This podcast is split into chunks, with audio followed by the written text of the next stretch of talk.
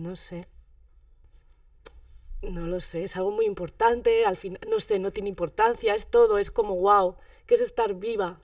No lo sé, no lo sé, pero lo practico, no me queda otro remedio, no me queda otro remedio, no me queda otro remedio que, que, que estar en lo vivo y que tenerle mucho respeto, ¿no?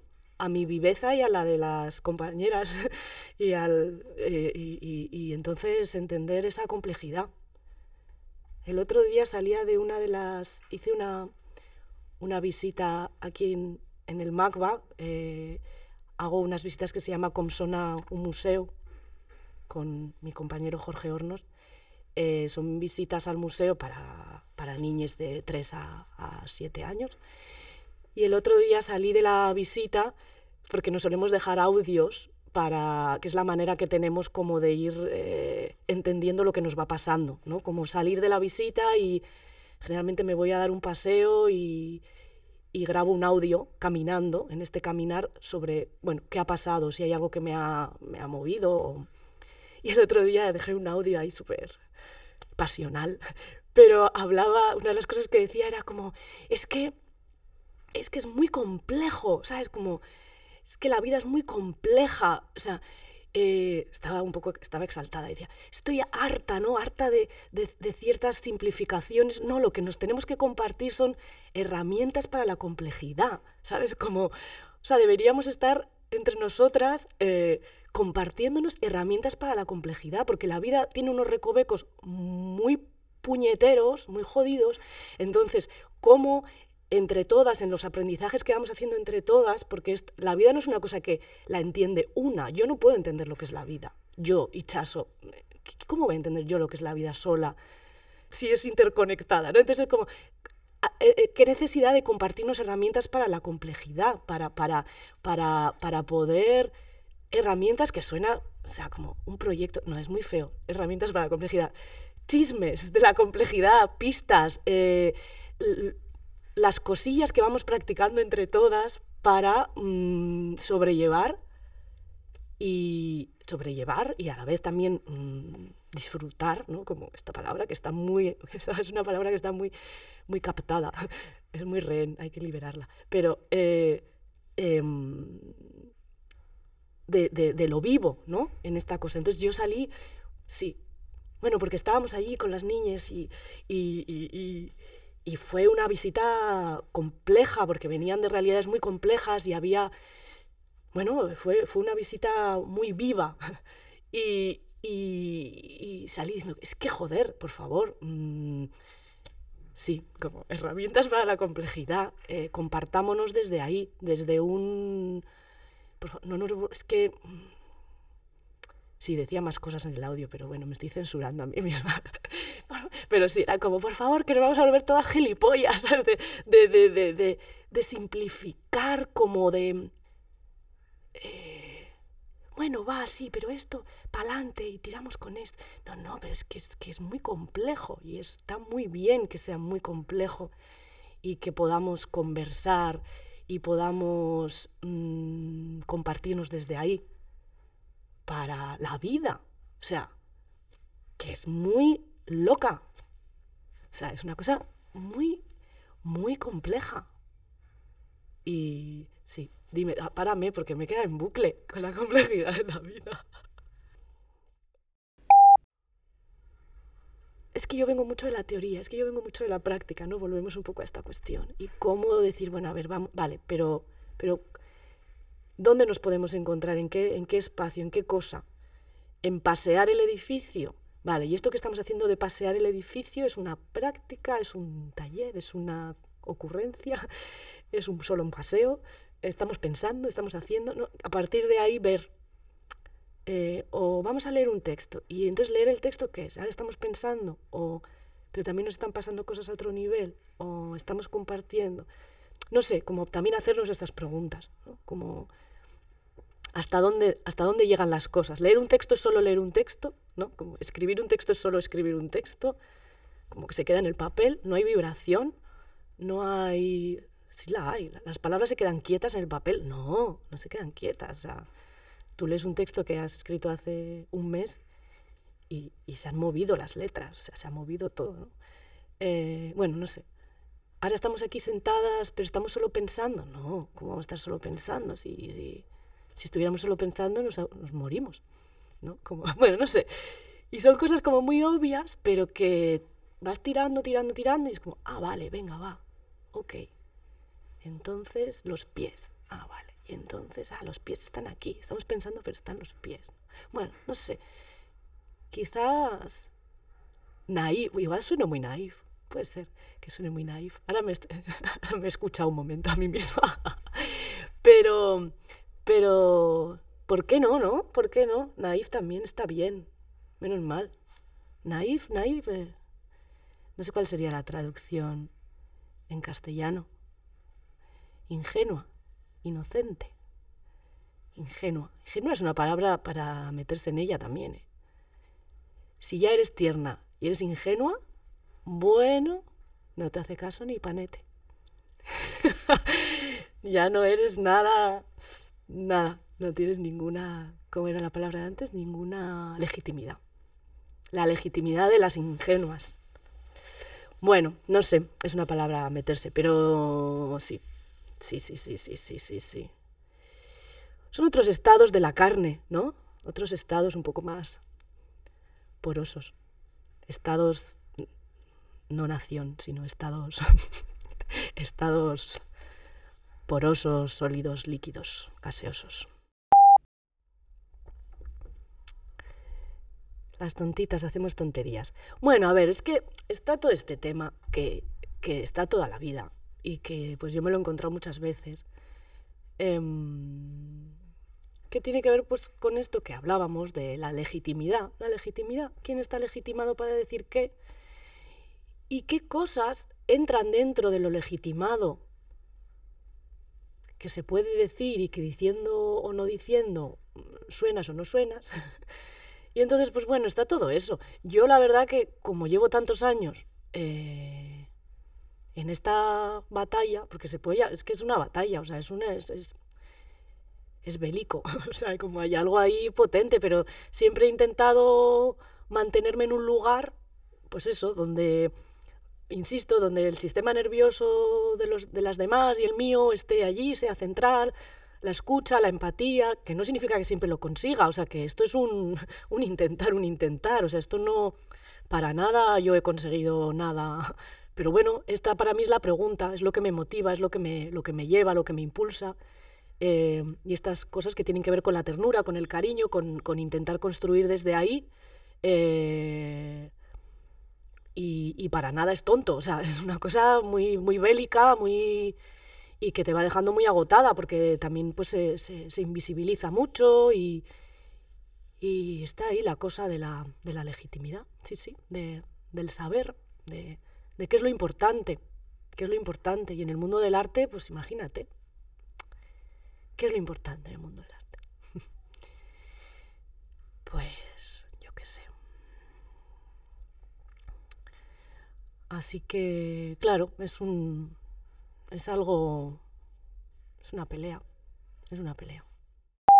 Esta caligrafía que decía I love chismes y brujerías, ¿no? que dice también. I heart, I heart chismes y brujerías, ¿no? También como todos estos espacios de, del chisme, ¿no? De repente como el chisme, chisme. Bueno, el chisme, chisme es una potencia de comunicativa también. Es como, o sea, como que también, claro, pues sí, que es lo que... Sí, tiene que ver con eso, sí, con estos espacios más feminizados, ¿no? O, secundarios, o todo esto a mí me apasiona, sí, y, y hago guasa. Cuando digo hago guasa, hago broma, broma seria, ¿no? Como, o sea, como digo, bueno, yo a mí misma también me hago broma, me veo, me veo a mí misma, ¿no? mis dudas, mis inseguridades, mis... Al mismo tiempo que estoy diciendo una cosa, luego me da la inseguridad del otro lado y no sé qué, y digo, bueno, esto hay que observarlo y, y hay que seguir ahí, ¿no? Hay que seguir como persistiendo en eso también. En estar tierna en eso también, no acabar afirmando del todo, porque es justo ahí, es justo ahí en ese antes de tomar esa forma, antes de tomar esa posición, que, la cosa es mucho más incongruente, más incoherente, menos cerrada, pero es que ahí la información está circulando de otra manera. Qué guay es cuando no te salen las palabras o se te, se te salen, ¿no? Como esta... Eh, eh, me, gustan mucho especialmente los momentos de, ya no te digo de, sí, de duda, de, sí, de, sí, pero los de cuando te desbordas, que no sabes cómo, ni cómo decirlo, porque se te sale antes la cosa que la palabra. Eso me, me encanta. Y que a la gente le pase eso me encanta. Y que la gente se ponga roja también me encanta. Se sonroje, ¿sí? me gusta mucho. Yo me sonrojo un montón y me parece como guay, como, ah, si te sonrojas, me fío. Quien ha conseguido no sonrojarse, imagínate, está apretando muchísimo el diafragma. Ay, el pudor. Mira, esta es, una, esta es muy importante, que no habíamos hablado. El pudor y la vergüenza. Bueno, hemos hablado un poco porque hemos dicho lo de sonrojarse, pero el pudor y la vergüenza, qué importante, qué importante avergonzarse.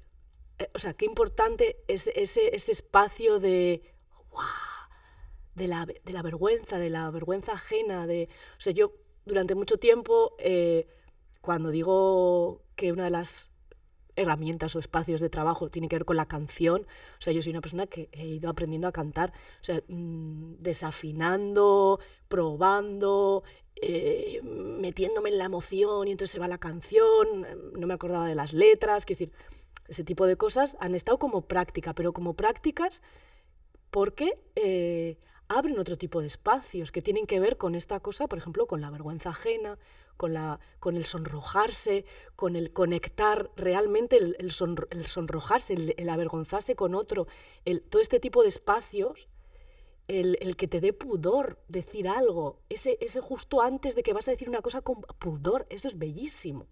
O sea, me parecen espacios mm, comunicativos, eh, musculares, porque lo que te pasa muscularmente cuando algo te da vergüencilla y vas ahí justo es brutal. ¿No? Como todo lo que pasa a nivel de organismo.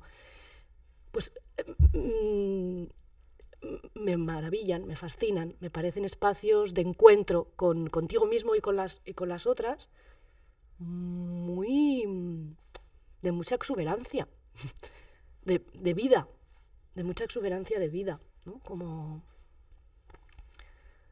Sí, o sea, ¿no? Piensa por un momento, es justo cuando vas a decir algo que te muere de la vergüenza o vas a hacer algo que te mueres de la vergüenza, ¿no? esa cosa y tan viva como sale ahí, ¿no?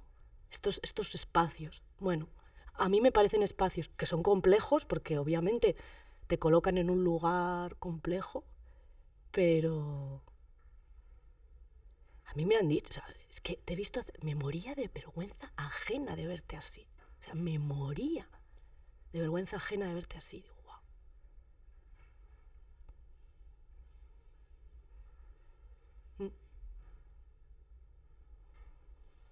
El pudor y la vergüenza compartida. Empatizada, ¿no? La vergüenza ajena también es como un poco una vergüenza empatizada. No lo sé. Yo creo que puede haber. Es que, es que vergüenzas ajenas hay muchas. Hay muchos tipos. Pero cuando de repente alguien hace algo que tú dices, ay, por favor, que no lo no en el sentido, o sea, claro, esto, es que esto es muy difícil, estamos hablando de cosas muy complejas. No me cojáis al pie de la letra, ¿vale? Nada de lo que he dicho es al pie de la letra. Eh, no, pero que hay algo de la...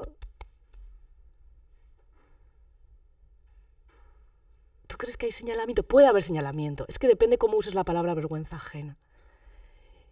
Pero es como cuando, cuando es cuando tú le ves hacer algo a alguien y se te erizan los pelos de vergüenza de, ay, lo está haciendo. ¿Sabes? Como se atrevido, lo está haciendo. ¿Sabes? Como, ay, este, esa cosica ahí, ahí hay algo. Cuando desafinas y la gente dice, ay, no se puede, ay, está desafinando. No sé. Ay, yo creo que hay algo ahí, hay una posibilidad. Con el mostrarse vulnerable, con ese espacio un poco más frágil donde no lo tienes todo como atadillo, ¿no? Entonces como ¡ah! compartir eso con otras me parece una posibilidad interesante de conectar. creo que va un poco más allá de, de, de equivocarse. Es como...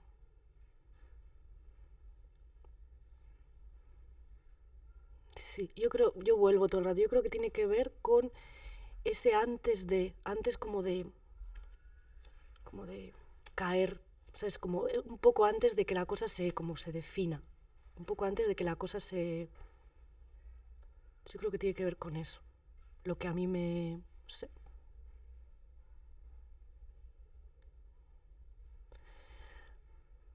No lo sé. Es que no lo sé. Se puede no saber. No lo sé.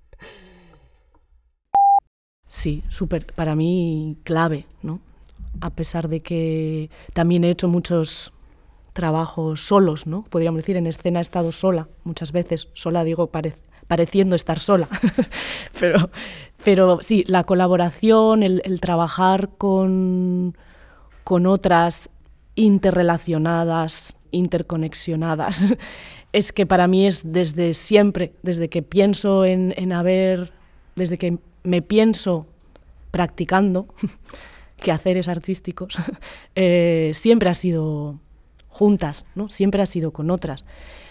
El teatro, es verdad que el teatro, a un nivel, eh, lo lleva muy dentro, ¿no? porque siempre es un trabajo muy colectivo, de alguna manera, ¿no? Y, cuando yo empecé en esta cosa del teatro amateur, que siempre me he quedado un poco en esa energía, ¿no? De, de, lo amateur, pero por esta vocación tan visceral, de alguna manera, ¿no? Y, claro, allí era juntas, o sea, era, era juntas, no era una, una, una idea o una ocurrencia que tenías no ocurría si no era en ese juntas. Juntas que no siempre era haciendo juntas, pero sí que era acompañándonos juntas, ¿no? O sea, porque los primeros públicos que teníamos cuando hacíamos todas aquellas performances éramos nosotras, ¿no? las que estábamos allí aprendiendo, las que estábamos como practicando. Entonces, mm, igual alguien, mira, quiero probar esto, ¿no? Y, el resto, pues simplemente estábamos allí y le acompañábamos en ese probar. ¿no? Éramos público, pero es que era más allá de público. O sea, como que yo creo que mi primera experiencia de público siempre ha sido algo que tiene mucho, que ver, mucho más que ver como con algo familia, familia en el sentido amplio y potente de la palabra, ¿no? como que nos acompañábamos. Para mí yo creo que está muy, muy enraizado esta idea de, colaborar con otras eh, y que para cualquier cosa, si pensamos en, en artes vivas, en artes escénicas, en artes performativas, en la performance, solo ocurre en esa, en esa resonancia con otras. Y yo siempre he tenido muy, muy claro esto. Es como ahora, ¿no? Yo estoy aquí haciendo esta, intentando hacer esta entrevista, en el intento, pero estamos juntas, ¿sabes? O ahora parece que hablo yo aquí sola, pero yo hablo porque me estáis escuchando, porque otras me escucharán, ¿no? Cuando esto sea un podcast. y, porque y yo voy hablando porque hay unas preguntas que me están llegando y porque ahí ha habido alguien que se ha tomado el tiempo de leer algo sobre mí y entonces la pregunta emerge. Entonces, claro, para mí eso es, es, es constante, o sea, este pensar y este sentirme inacabada completamente, incompleta siempre, y, y no sé, Igual es algo que me he inventado yo para estar más tranquila, pero siempre pienso que lo que yo estoy diciendo es que es muy incompleto. Se, dice en, lo que otras muchas también están diciendo, ¿no? Entonces, hay algo como que creo que, lo entiendo muy desde dentro, que es que es en colaboración, es que es juntas. Y luego, claro que sí, tengo muchos proyectos en colaboración, ¿no? Si ya decimos como a nivel formal, he trabajado mucho trabajado muchos años, por ejemplo, en un proyecto que se llama, que se llama Poderío Vital, con, con Oscar Bueno, un compañero, y ahí hemos hecho, ¿no? al principio lo llamábamos incluso simbiosis, ¿no? porque era como un trabajo de...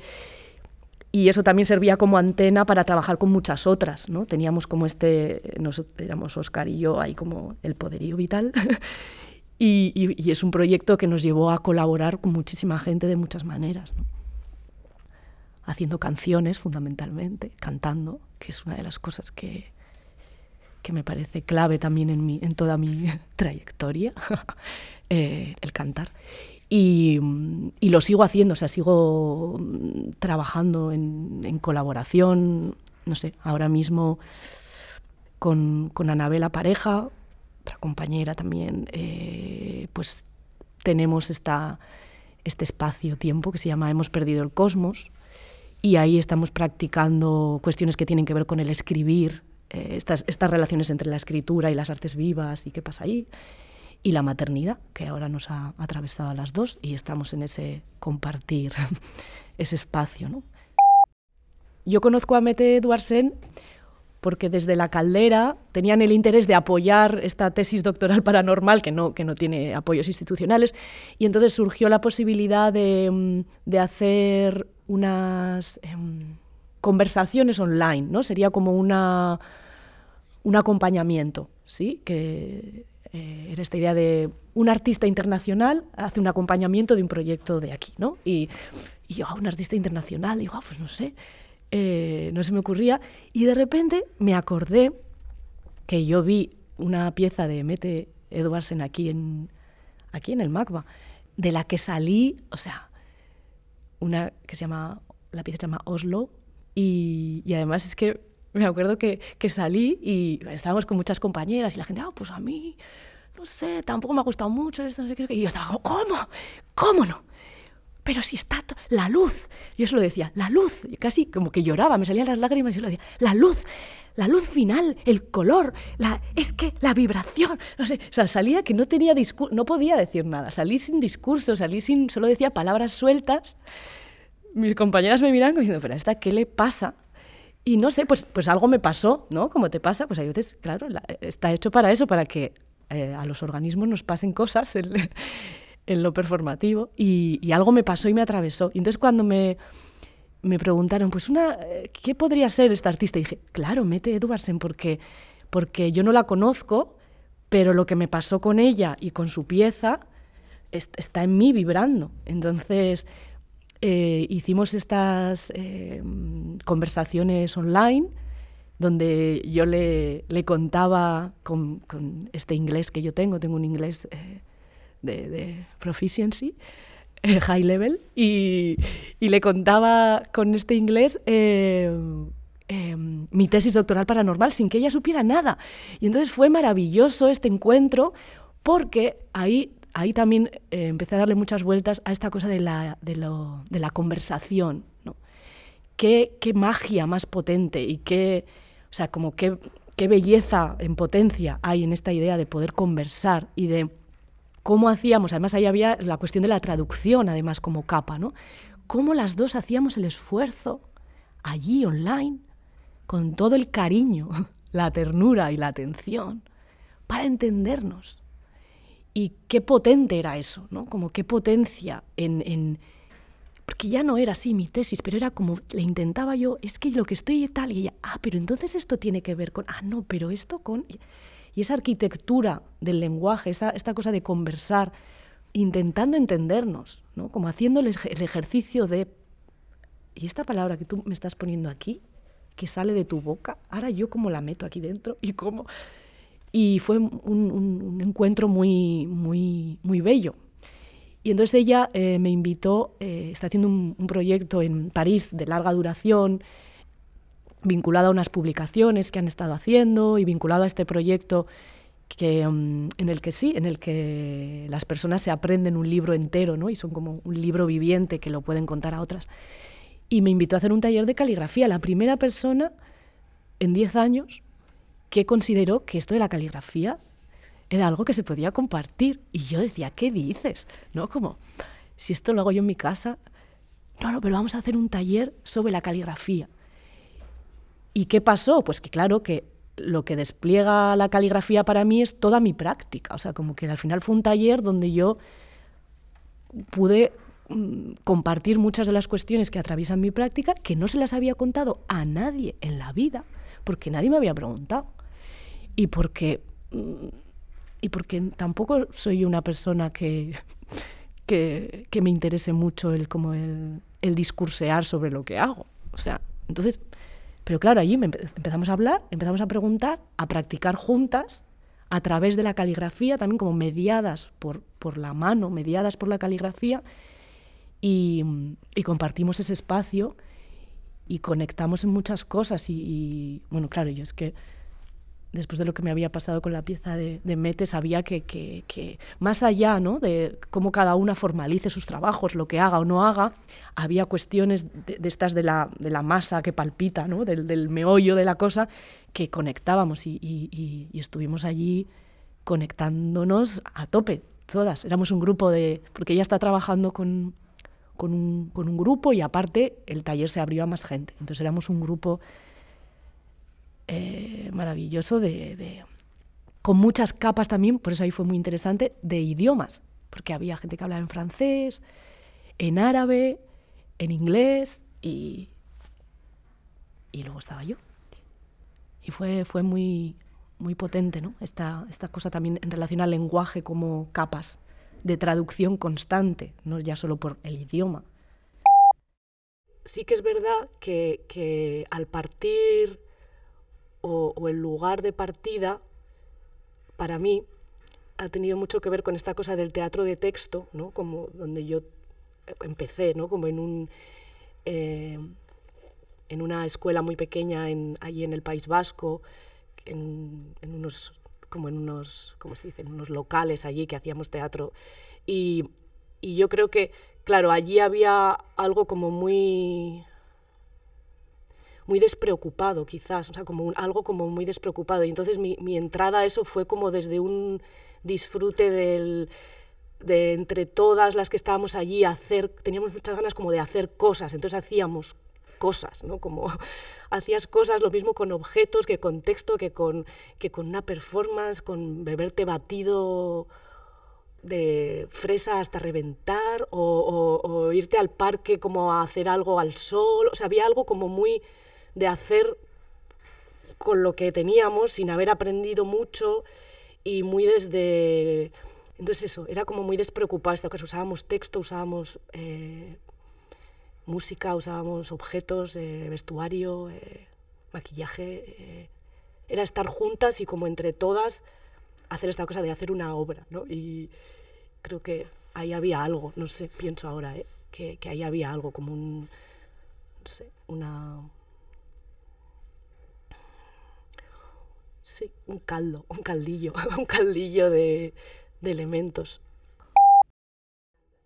Sí. No sé si te has dado cuenta, pero la palabra recoveco ha salido muchas veces. ¿La, la he dicho yo muchas veces? Sí, hueco de recoveco. ¿Sí? Sí. Qué pesada. He dicho mucho recoveco, pues es una palabra súper pedante, o sea, ¿no? No. No, no es, no es pedante, recoveco, ¿no? Ah, un poco. No, vale, vale. ¿A ti te parece pedante, recoveco? Ah. Vale, vale. Gracias, Ricardo. Ricardo, eh, certifica este podcast. para que no me metan luego caña, para que no me metan caña hablando de la ternura y aquí, bueno, bueno, bueno, la que me van a meter. No pasa res, soy vasca. Eh, soy tierna pero vasca, entonces eso es la combinación perfecta creo que ya no, ¿qué? ¿Cómo veis? No sé, o sea, si veis que falta algo, puedo hacer un audio de WhatsApp.